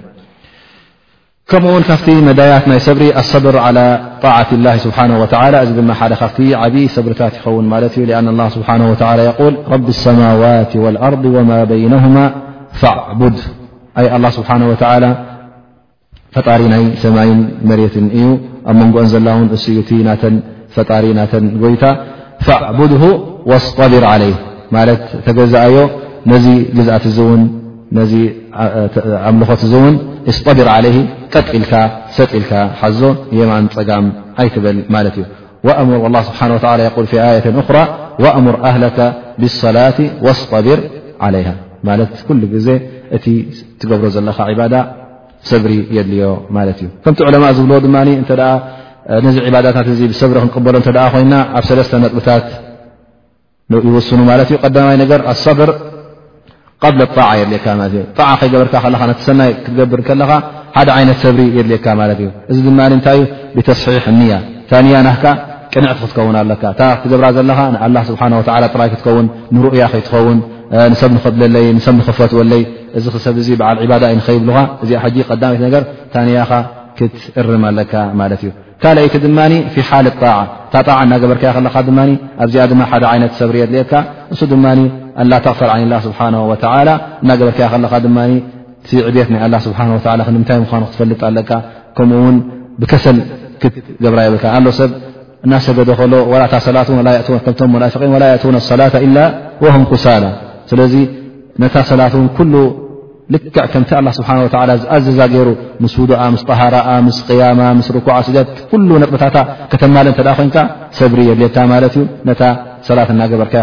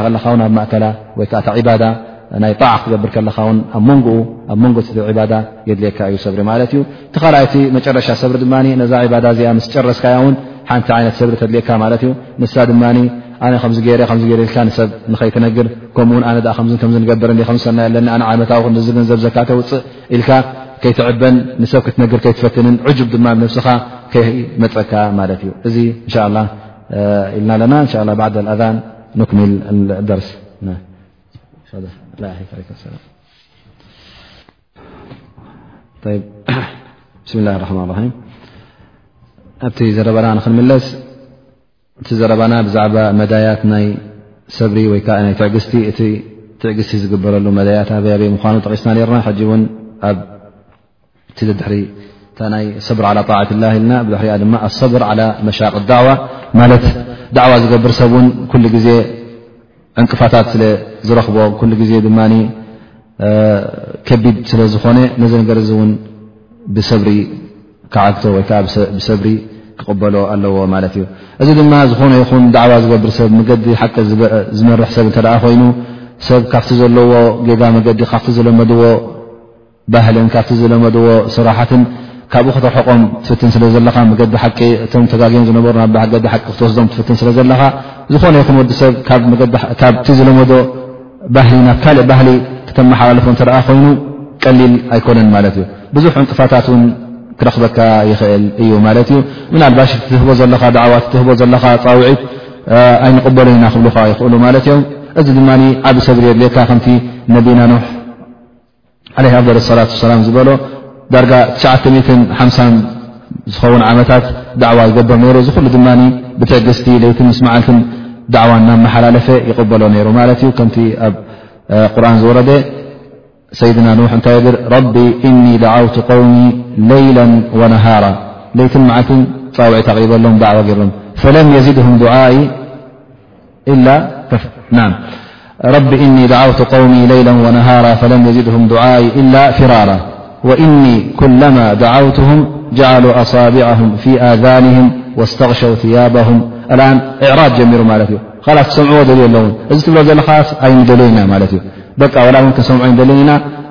ዝገበርካ ግበር ኢሎሞ ማለት እዩ እዚ ሕጂ እንታይ የድልየካ ማለት እዩ ወላ እውን ኣይንሰምዓካን ኢና ትብሎ ዘለካ ኩሉ ሓሶት እዩ እተኣ ዝብልካ ኮይኖም ወላ እውን ኣይንኣምነልካ ኢና ስቅልካ ኢካ ትዛረብ ዘለካ ዝብልካ እተ ኮይኖም ነዚ ነገር እዚ ብምንታይ ትቕበሎ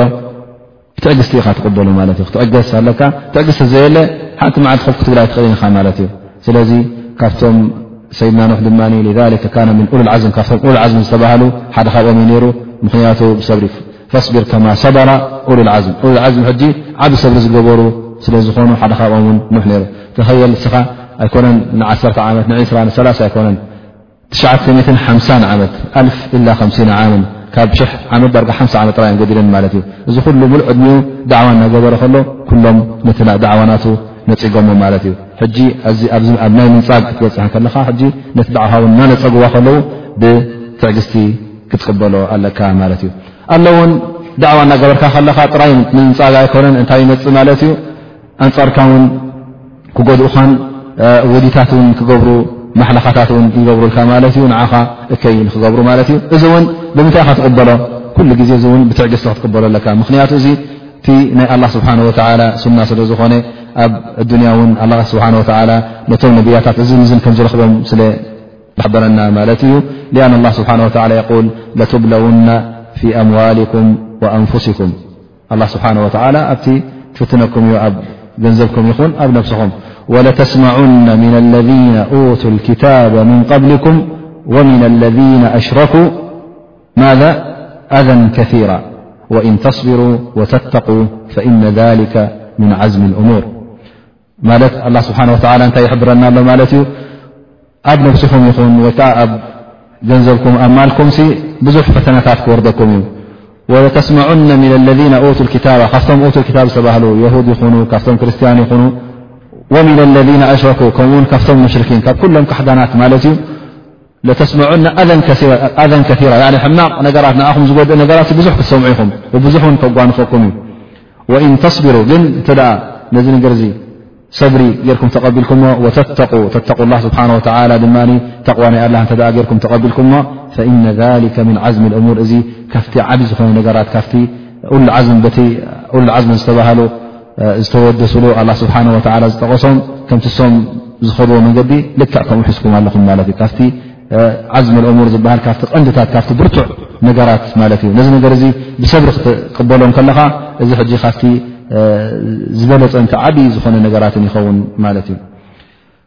ከምኡ ውን ኣብ ናይ ዳዕዋ ካልእ ነገር ኣሎ ንኣብነት ዳዕዋ እተ ኮይኑ እስኻ ኩሉ ግዜ ናብ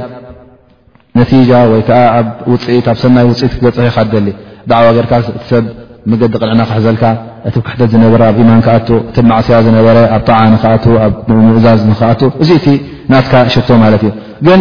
ዓመት ክልተ ዓመት ዓሰርተ ዓመት ነዊሕ ይኸውን መገዲ ነውሕ ይኸውን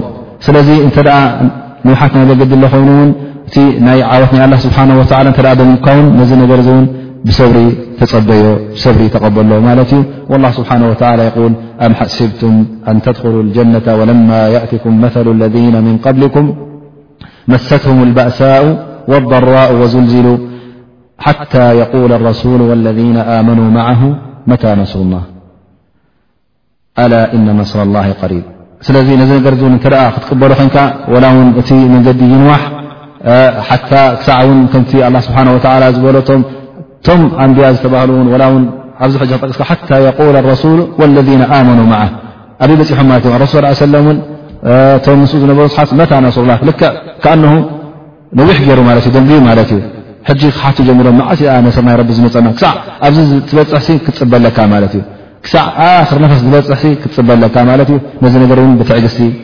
ክትፅበዮ ኣለካ እበር ብሓንቲ መዓልቲ ብክልተ መዓልቲ ብሰሙን ብዓሰርተ መዓልቲ ብዓሰርተ ዓመት ብገለመታት እውን ዝውዳእ ኣይምሰልካ ማለት እዩ ስለዚ ዓወት ናይ ረቢ ደንጉዩኒ ኣነ ዚ ኩሉ ተቃሊሰ ኣነ ዚ ኩሉ ናይ ዳዕዋ ገይረ ኣነ ዚ ኩሉ ንሰብ መኪረ ንኩሉ ሰብ ፃውዒት ኣቕሪበ እሞ ንዓይ ዝሰምዓኒ ኣይረኸብኩን ክትብል የብልካን ማለት እዩ። እዚ ወላ ኣብ ስድራኻ ይኹን ኣብ ኣሕዋትካ ኣብ ህብረተሰብካ ጥራይ ከም ናይ ዳዕዋ እስኻ ናይ ግዲ ሸክ ክትከውን ኣለካ ማለት ኣይኮነን። ወላ እውን ኣብ ውሽጢ ቤትካ ውሽጢ ገዛኻ እንተ ኣቦኻ ኣዴኻ ሓውኻ ሓፍትኻ ውላድካ ኩሎም እተ ዳዕዋ እናገበርካሎም ኮንካ እሞ ነዊሕ ግዜ ወሲዶም ኢልካ እቲ መገዲ ሓቂ እናርኣኻዮም ከለኻ ናብኡ ንኸይምለሱ እተ ነዊሕ ግዜ ወሲዶም ወላ ውን ነዊሕ ግዜ ውሰዱ ነዚ ነገር እዚ ብትዕግስቲ ክትቅበሎ ኣለካ ዳኣ እምበር ብታህዋኽን ብቕልጣፈን ክትምልሰሉ የብልካን ማለት እዩ ከምኡ ውን ካብቲ መዳያት ናይ እዚ ሕጂ መዳይ ናይ ሰብሪ ናፍቲ መሻቅ ዳዕዋ ኣብቲ ናይ ዳዕዋ ዘጓንፈካ ኢልና ከምኡ ውን ኣብ ኩናት እንተ ኮይኑ ምፀላእ እተ ኩናት ኣለካ ኮይኑ ኣብ ናይ ጅሃድ ፊሰቢልላ እተ ኮይኑ ውን ነዚ ነገር እዚ እውን ሰብሪ የድልየካ ማለት እዩ ሊኣን ላ ስብሓን ወተላ እንታይ ይብል ወሳቢሪና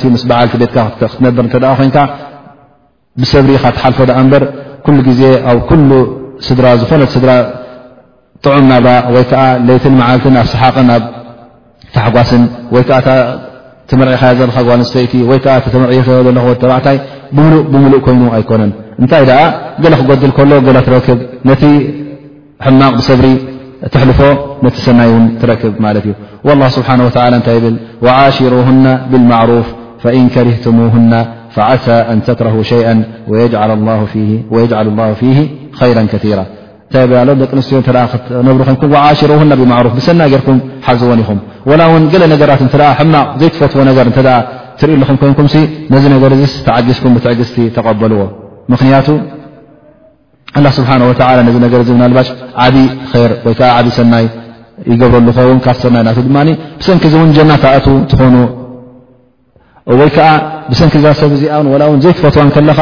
ኣላ ስብሓን ወተላ ካብኣ ብሉፃት ዝኾኑ ሰናይ ዝኾኑ ውላድ ይህበካ ማለት እዩ ንፅባሕ ትሐጎሰሎም ስለዚ ነዚ ነገር እዚ ብሰብሪ ተቐበለዎ ማለት እዩ ንኣን እውን ሕማቕ ክትፈድየን ኣይትፍተዎ ማለት እዩ ኣብ መጨረሻ ዘረባና ናበይ ንኣቱ ማለት እዩ እቲ ነዚ ነገር እዚ ንሰብሪ ንክንገብር ዝሕግዘና ነጥብታት እንታይ እንታይ እዩ ልና ምስ ንሓትት እዚ ኩሉ ናይ ሰብሪ ምስ ፈለጥና መዳያቱ ምስ ፈለጥና ናቱ ብልፀት ምስ ፈለጥና እውን እሞኸ እንታይ እሞ ዝሕግዘና ሕጅስ ኣነስ ምናልባሽ ሰብሪ የብለይን ሰብሪ ጎድለኒ ዩ ትዕግስቲ የብለይ እተ ትብል ኮይንካስ እንታይ እዩ ዝሕግዘካ ነብዚ ትዕግስቲ ዘ ንክትገብር ቀዳማይ ነገር ክትፈልጦ ዘለካ እዚ ባህርያት ናይ ኣዱንያ ክትፈልጥ ኣለካ ማለት እዩ እቲ እዚ ድማ ኣብ ከምቲ ዝጠቐስናዮ ለቐድ ከለቕና ኢንሳና ፊ ከበድ ዩ ላ ስብሓን ወላ ኣዱንያ ኩሉ ግዜ ብረሃዋ ዘሕልፋ ሰብ የለን ዳር እብትላእ ስለዝኾነት ናይ ኢብትላ ወይ ከዓ ናይ ፈተነ ዓዲ ወይ ከዓ ናይ ፈተነ ገዛ ስለ ዝኾነት ነዛ ቤት እዚኣ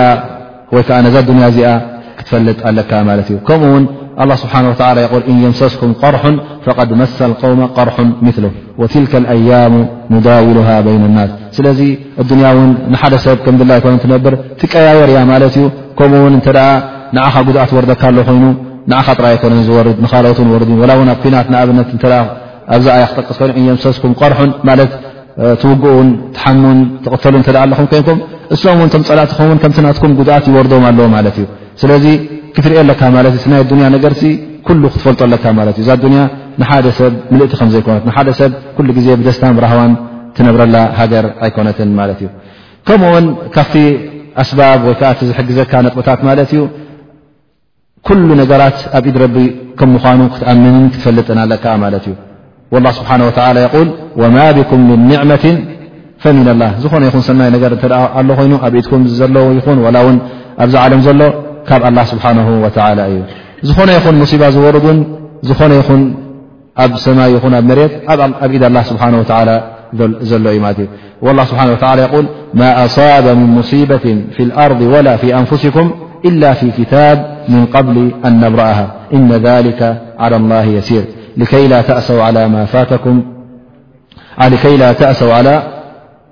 ማ ፋተኩም ወላ ተፍራሑ ብማ ኣታኩም ስለዚ ናይ ዱንያ ነገር ፈጥካ እቲ ኣላ ስብሓን ወተላ ውን እሱ ኩሉ ነገራት ኣብ ኢዱ ከም ዘሎ ኣሚንካ ንኡ እንተ ፈሊጥካ እዚ ነገር እዚ ሕጂ ትዕግስቲ ንክትገብር ይሕግዘካ ማለት እዩ ምክንያቱ ኣብ ኢትካ ወላ ሓንቲ የለን ኩሉ ነገር ኣብ ኢድ ረቢ እዩ ዘሎ ዳኣ እምበር እስኻ ኣብ ኢድካ እትውንኖ ብሓቂ እትውንኖ የለን ኩሉ ነገራት ኣብ ኢድ ኣላ እዩ ሓቂ ወናኒ ዝበሃል ኣላ ስብሓን ወተላ እዩ ከምኡ ውን ሓደ ካብቲ ዝሕግዘካ ድማ እንታይ እዩ ማለት እዩ ኣላ ስብሓን ወተላ ነቶም ሰብሪ ዝገብሩ ነቶም ትዕግስተኛታት እውን እቲ ናቶም ሞሳን እቲ ናቶም ፃማ ድማ ብሉፅን ሰናይን ከም ምኳኑ ከምቲ ዝጠቐስናዮ ማለት እዩ ከምኡ ውን እንታይ ክትገብር ኣለካ ማለት እዩ ኣላ ስብሓን ወላ ነቲ ሰብሪ ዝገብር ሰብ ድማ ኩሉ ግዜ ከም ዝፍርጀሉ ክትኣምን ኣለካ ማለት እዩ ወላ እውን ዝኾነ ኣብዝፀበበ ቦታ ይብፃሕ ኣብ ዲቅ ይብፃሕ ኣላ ስብሓን ወተላ ውዒሉ ሓቢሩ ክፍርጀሉ ከምዝኾነ ክትኣምን ኣለካ ማለት እዩ እዚ ኢማን እዚ ድማ ካበይ ተበገሰ እዩ ካብቲ ኣላ ስብሓን ወተላ ዝበሎ ፈኢነ ማዓ ልዑስሪ ዩስር ኢነ ማዓ ዩስራ ስለዚ ክልተ ዩሱር ኣሎ ማለት እዩ ወይ ከዓ ክልተ ራህዋ ሓንቲ ሱር ሱር ክል ሓንቲ እየን ማለት እዩ እነ ማዓ ዑስሪ ዩስራ ኣምፅልካ ኣለዋ እቲኣ ውን ፈእነ ማ ዑስሪ ዩስራ እዘ ክልተ እየን ተን ዩሱር ዝተባህላ ማለት እተ ራህዋ እታ ሓንቲ ድማ ፅበት እያ ስለዚ ክልተ ራህዋስ ሓንቲ ፅበት ኣይትስዕረንን እያ ስለዚ እዚ እምነት እዚ እተ ኣብ ልብኻ ሓዲሩካ ውን ነፍስኻ ብዝያዳ ሰብሪ ክትገብር ትኽእል እያ ከምኡ ውን ኣስትዓነቱ ብላ ድማ ብኣላ ስብሓ ወ ወስተዒኑ ብላ ወስቢሩ ስለ ዝበለ ብኣላ ስብሓ ወ ን ሓገዝ ክጠልብ ድዓ ክትገብር ኣንተ ኣ ስብሓ ወ ነዚ ወሪድኒ ዘሎስ ብሰብሪ ብትዕግስቲ ንክቕበሎ ሓግዘኒ ክትብል ማለት እዩ ከምኡውን ኣብ ርእሲኡ ነቶም ቅድሚ ሕጂ ቅድሜና ዝነበሩ ነብያታት ይኹኑ ሳልሒን ይኹኑስ ብንዕኦም ተመልኪትካ ንኦም ተዓዚብካ ኣብነት ወሲድካ ነቲ ሰም ዝገብርዎ ዝነበሩ ክትክተል ማለት እዩ ኣልእቅትዳ ብሳብሪን ምክንያቱ ከምቲ ዝጠቀስናዮ ሰይድና ዩሱፍ እተ ክንርኢ ኮይና እቲ ዝገበሮ ዓብ ሰብሪ ጠቂስና ነርና ማለት እዩ እሱ እውን እቲ ዘጓንፎ